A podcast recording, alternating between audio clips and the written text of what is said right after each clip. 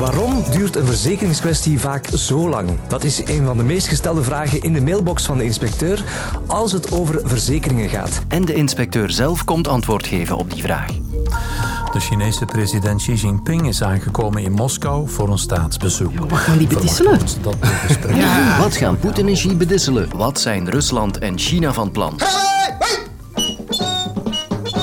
Ja, de tekenfilm Pionier. Wat heeft die mens eigenlijk allemaal betekend? Die chromofobia, die soldaatjes die marcheren en Dat zo. kende. Dat, dat kenden heel veel Ja. mensen. Hè. En hoe belangrijk was animatiefilmmaker Raoul Servet?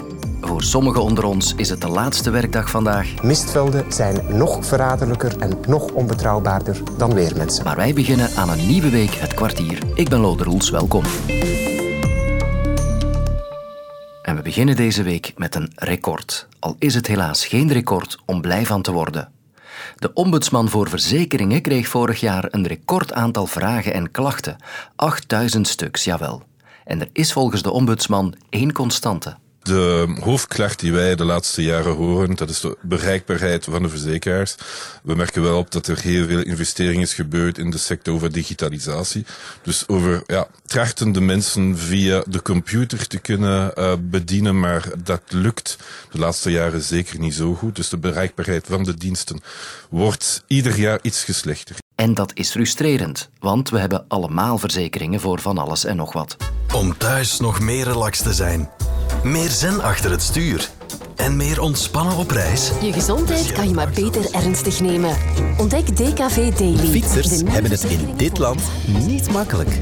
Daarom verdienen ze de beste fietsverzekering. Mocht er een ongelukje gebeuren, een vlam in de pan, een stevige dosis Belgisch weer, ons serviceteam staat rond de klok voor jou paraat. En als er dan uiteindelijk ook echt iets misloopt, dan wil je natuurlijk graag snel en goed geholpen worden. En dat is iets wat de inspecteur natuurlijk ook belangrijk vindt. En als ik zeg de inspecteur, dan bedoel ik natuurlijk Sven Pichal, de inspecteur bij Radio 2. En dat is het consumentenprogramma, zowel van Radio 2 als van de VRT ondertussen. En we krijgen klachten binnen over allerlei onderwerpen. Deze week gaan we ons focussen op verzekeringen. Iets wat we eerlijk gezegd lang hebben uitgesteld, omdat dat zo droog klinkt. Maar nu eh, hebben we ons erin vastgebeten en er zitten toch heel veel boeiende verhalen in. En je kan er ook ongelooflijk veel tips in meegeven. En hij is dus de man die ons kan uitleggen waarom we zoveel klagen over onze verzekeringen. Mijn eerste logische vraag is dan ook: waar gaan al die klachten over? De klachten, en dat is misschien een klein beetje cliché, gaat over zeer langlopende verzekeringskwesties. En dat gaat ook over gewoon eh, ja, je woonverzekering of je brandverzekering, zoals die ook vaak wordt genoemd. Als je daar een schadegeval hebt, water in de kelder bijvoorbeeld. En dat zijn van die zaken die nu veel langer gaan duren, omdat er één, veel meer werk is bij die verzekeringsmaatschappijen.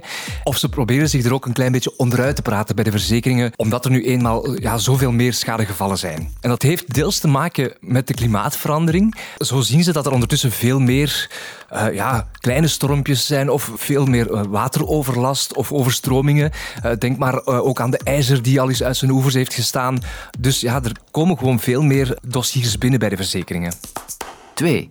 Waarom zijn verzekeringsagenten zo vaak onbereikbaar? Verzekeraars ja, hebben heel veel vacatures openstaan. Je ziet ook dat de zelfstandigen dat die ook aan het uitdunnen zijn. Ook daar zijn er eh, te weinig mensen echt aan de slag. En tegelijkertijd is er dus meer werk. Nu, die onbereikbaarheid heeft natuurlijk ook nog een andere kant. En die kennen we van, van heel wat andere sectoren. Eh, Er zijn heel veel lokale kantoren die gesloten zijn en je moet naar een contactcenter bellen. Ook daar is het wat onbereikbaarder geworden. Eh, er was een luisteraar die vanmorgen zei, vroeger ging je naar het lokale kantoor en je kon eens op de tafel slaan om te zeggen, wanneer wordt dit opgelost? Ja, nu moet je naar dat nummer in Brussel bellen en dan krijg je telkens iemand anders en die kan wel in het dossier kijken. Maar ja, dat maakt ook dat die verzekeringsmaatschappijen vaak ja, niet genoeg bereikbaar zijn voor mensen. En als laatste heeft hij nog een tip voor ons. ons. Wat je wel moet weten is dat deze sector ook een ombudsdienst heeft. En die ombudsdienst is anders dan in alle andere sectoren. In deze sector mag je meteen naar die ombudsdienst stappen. Je moet niet wachten tot je al een antwoord hebt gekregen van je verzekeraar. En het voordeel is dat die ombudsman heel goed de sector kent. Stel, je hebt een, probleem met verzekeraar X. Dan zegt hij, ah, maar dat is heel goed. Het is iets met jouw fietsverzekering. Dan weet ik dat Naima in dat bedrijf heel goed daarin is. En dan zorgt hij dat, dat jij meteen bij haar terechtkomt. En dat het probleem sneller wordt opgelost. Dus het is ook gewoon iemand die vaak gidst binnen die verzekeringssector en die jou ook heel goed advies kan geven. Dus dat is zeker een dienst die je kan gaan opzoeken als je een probleem hebt met de verzekeringen.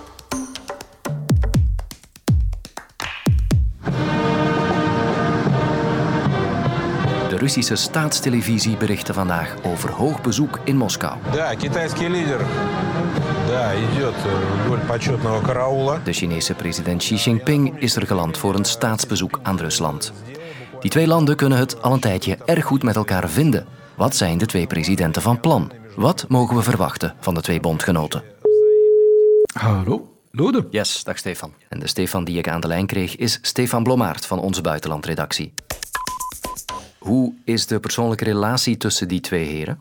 Ja, allereerst zijn leeftijdsgenoten, hè, allebei rond de 70 jaar oud. En, en ze noemen elkaar beste vrienden. Sinds Xi Jinping president en partijvoorzitter is tien jaar geleden, hebben ze elkaar al, al, al een keer of veertig ontmoet. Dus ze kennen elkaar zeer goed. En ja, die mayonaise pakt blijkbaar. Ja, zeker sinds de oorlog in Oekraïne lijken die twee naar elkaar toegegroeid. Wat hebben ze gemeenschappelijk? Ah, ze zijn allebei leiders van, van zogenaamde illiberale maatschappijen. Hè? Dus landen waar, waar nauwelijks democratie bestaat. En langs de andere kant natuurlijk ook de afkeer, de gemeenschappelijke afkeer van het Westen. Want eh, zowel tegen Rusland als tegen China eh, ja, heeft het uh, Westen al jarenlang sancties gehanteerd. En dat is iets waar ze zich allebei tegen verzetten en waar ze elkaar gevonden hebben. En ze zijn toch ook wel echt afhankelijk van elkaar, toch? Ja, absoluut natuurlijk. China heeft alles wat Rusland niet heeft en omgekeerd. Dus China neemt veel gas en olie af van de Russen. En omgekeerd, ja, China produceert alle mogelijke consumptiegoederen en die heeft Rusland in veel mindere mate. Dus de Russen zijn op dat vlak dan wel afhankelijk van de Chinezen. Waarin verschillen ze dan, die twee landen? Ja, één groot verschil heeft natuurlijk te maken met Europa. Poetin die heeft bij het begin van die invasie een jaar geleden in Oekraïne als een duivels ontbonden tegen Europa. Terwijl ja, voor China zijn de relaties met Europa, met de Europese Unie heel belangrijk. Die handelscontacten die, uh, zijn uh, enorm. En dan is er de kwestie Oekraïne zelf. Hè. Daar zit China eigenlijk een beetje mee verveeld. Uh, want ja, zij hebben belang bij stabiliteit in de wereld. Want dat is voor hun economische activiteiten bijzonder belangrijk. En eigenlijk zouden ze dus een, een einde willen zien aan die, aan die oorlog uh, in Oekraïne. Zonder Rusland voor het hoofd te stoten, natuurlijk. Wat is de bedoeling van dit staatsbezoek nu? Wat mogen we verwachten op korte en lange termijn? Ja, officieel gaat het om het verdiepen van de bilaterale relaties tussen China en Rusland. Maar het komt erop neer dat ze willen tonen dat ze een echt alternatief kunnen vormen hè, voor de dominantie van de westerse wereld. Er gaan uh, tijdens die ontmoeting natuurlijk een heleboel contracten getekend worden over de uh, levering van, van meer grondstoffen, van meer gas aan China. Maar wat eigenlijk nog veel interessanter is, is wat er na het staatsbezoek uh, zal gebeuren. Want er zijn geruchten dat Xi Jinping ook een gesprek, een telefonisch gesprek zou hebben met president Zelensky. Want China ja, stelt zich nu ook op als uh, ja, vredesduif, wil uh, vrede uh, teweegbrengen in Oekraïne via een twaalf punten plan. En dat hebben ze een paar weken geleden naar, naar voren gebracht. Maar het grote probleem is natuurlijk dat er geen sprake is in dat plan van een terugtrekking van de Russische troepen. Dus het valt af te wachten hoe uh, president Zelensky daarop uh, zal reageren. De vraag is ook of China wapens zal leveren aan Rusland. Dat gerucht doet al een tijdje de ronde. Hè? Dat gerucht doet inderdaad een tijdje de ronde. China zelf ontkent dat. Uh, nu, als ze zich inderdaad willen opwerpen als vredesbrenger, dan zou het vreemd zijn dat ze wapens gaan leveren aan Rusland. Dus als ze dat gaan doen, dan, dan zal het in het geniep zijn. Of via, wat ze wellicht nu al doen, via uh, onderdelen die ze leveren. Hè. Uh, geen hele wapensystemen, maar onderdelen om die wapensystemen te maken. Uh, dus dat, dat is een kwestie die zeker de, de komende weken en maanden nog in het nieuws zal blijven.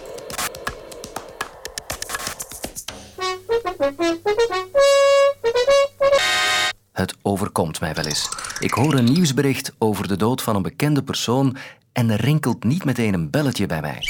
Ik had het vanochtend nog. In Leffingen in West-Vlaanderen is filmmaker en animator Raoul Servet overleden. Hij werd 94 jaar. Wist jij het meteen en kon jij voor de vuistweg vijf dingen opsommen over Raoul Servet? Ik ondertussen wel. Hij was een West-Vlaming. Hij stampte de eerste animatiefilmopleiding van Europa uit de grond. brak in 1965 door met Chromophobia, waarin grijze legers alle kleur uit de wereld willen halen. Ik weet hoe, uh, hoe dat de vrijheid totaal uitgesloten wordt. En ik was bang. Zeg alsjeblieft dat dat niet opnieuw terugkeert. Hij won daarmee 12 prijzen en hij won in 1979 ook nog eens een gouden palm in Cannes. Als ik een film afgewerkt heb, heb ik de indruk dat ik een slechte film heb gemaakt. Dat is telkens zo. En als ik een prijs krijg, ah, dan zeg ik, ah bon, die is toch niet zo slecht. En dat ik nu kan uitpakken met die kennis, dat komt omdat ik me heb laten bijpraten door twee oud-leerlingen van Cervez fameuze filmopleiding. Hallo? Ja, ik hoor je goed. Jonas Gernaert, inderdaad. Die van de kabouter. Ka! Wat een kampioen! Even gaan zitten, best. En ook deze man. Ja, ik ben Jan Bulteel. Ik ben uh, leerling van de Animatiefilmacademie in Gent onder Raoul Servet. En mijn grootste wapenfeit is de langspeelfilm Cafard, denk ik. Wat, wat bezig eigenlijk wel? En zij schetsen een beeld voor mij. Eerst eens de grote lijnen uitzetten. Wat heeft Servet betekend? Ja, hij was een pionier in, ieder geval en heeft uiteindelijk de animatiefilm uitgevonden, bij wijze van spreken. Allee, dat is toch in ieder geval de legende, of de mythe die hij zelf gemaakt heeft. Maar ik denk wel dat daar iets van aan is, want hij was zodanig gepassioneerd door tekenen en bewegend beeld dat hij het ding praktisch heruitgevonden heeft. De grote studio's deden heel geheimzinnig over animatietechnieken enzovoort, waren heel protectionistisch op hoe die dingen gemaakt werden. En uh, Raoul Servet heeft eigenlijk terug van nul moeten beginnen. Hij heeft zelf de animatietechniek weer moeten opbouwen en heeft letterlijk een camera geknutseld uit een sigarenkist waarmee hij zijn eerste animatiefilmpjes gemaakt heeft. En ja, veel mensen zijn schatplichtig aan hem. Maar als ik dan wat meer in detail ga kijken, weinig mensen kennen hem. Hoe komt dat? Omdat het de niche van de niche is natuurlijk. Dus je hebt de grote films, je hebt dan een beetje de experimentele films en daaronder heb je dan de animatiefilms. En binnen de animatiefilm heb je dan nog de artistieke animatiefilm. Het is zodanig niche, denk ik, dat niet veel mensen daar eigenlijk uh, iets van afweten. Kortfilms zijn per definitie, jammer genoeg, altijd een beetje voor een, een klein publiek van, van liefhebbers. Die blijven vaak in het festivalcircuit uh, hangen. En hij had een grote droom om een langspeelfilm te maken. Heeft hij ook gedaan. Uh, Taxandria, daar heeft hij 15 jaar aan gewerkt. Ik denk dat hij ergens in de jaren 90 is, is afgewerkt. Maar die film heeft eigenlijk nooit het publiek gevonden dat hij verdiende. Maar ik denk dat dat wel zijn droom was om met die film zichzelf uh, op de kaart te zetten als animatiefilmregisseur. Maar uh, spijtig genoeg, want die film heeft heel veel verdienstes, ziet er prachtig uit. Um, maar spijtig genoeg heeft hij dat publiek nooit kunnen bereiken. En tenslotte, om de prent in te kleuren, hebben Bulteel en Geirnaert zelf iets meegenomen van Servet? In mijn werk zelf heb ik heel vaak de reële beelden herwerkt in een animatiefilmvorm. De wisselwerking tussen een getekend beeld en een realistisch beeld is altijd iets wat mij heel erg geïnteresseerd heeft. Dat heeft hij ook vaak gedaan. In die zin zou ik wel zeggen dat ik misschien toch wel een leerling van Raoul Servet ben. Veel van zijn films zijn echt een, een, aanklacht tegen oorlog, tegen totalitaire staten en dergelijke. En ik denk dat als animatiefilmstudent dat je dat ook wel meekreeg door zijn werk te bekijken, door erover te praten. Van ja, het moet niet alleen maar mooi en goed gemaakt zijn, maar het is ook niet verkeerd als je afstudeerfilm ook een, een, een soort boodschap in zich uh, meedraagt. Dit kwartier zit er bijna op, maar we kunnen vandaag natuurlijk niet voorbij het pensioen van een gewaardeerde collega. Hallo. Vandaag iets minder goed dan gisteren.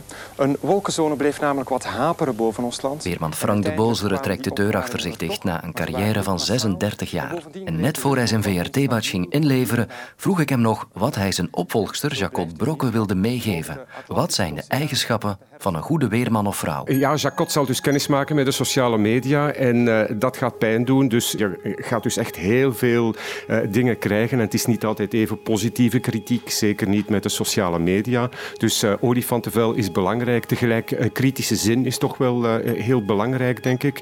Um, ja, het, ja, het wetenschappelijk inzicht natuurlijk, dat moet er zijn. buiten ja, de, de, de mildheid en de vergevingsgezindheid, iedereen verdient een tweede kans, bij wijze van spreken, denk ik dat... En enthousiasme, gedrevenheid en, en verwondering toch wel belangrijk zijn. Nu, dat zijn in feite, Lode, niet alleen eigenschappen voor een goede weervrouw. Dat zijn ja, eigenschappen voor iedereen die zijn job met plezier wil doen en wil wil blijven doen. En ja, hier zit misschien het levende voorbeeld, maar uh, Jacot gaat dat zeker heel goed doen. Morgen ben ik er weer met meer weer. Dag. Ja, geen weer meer dus voor Frank de Bozere. Het kwartier is er morgen wel weer terug met drie nieuwe onderwerpen. Tot dan. De strafste, meest onbekende of net opvallende verhalen uit een onuitputtelijke belpopgeschiedenis. Die ontdek je met kenner Jan Delvaux in de podcast De Dikke Delvaux. Nu in de app van VRT Max.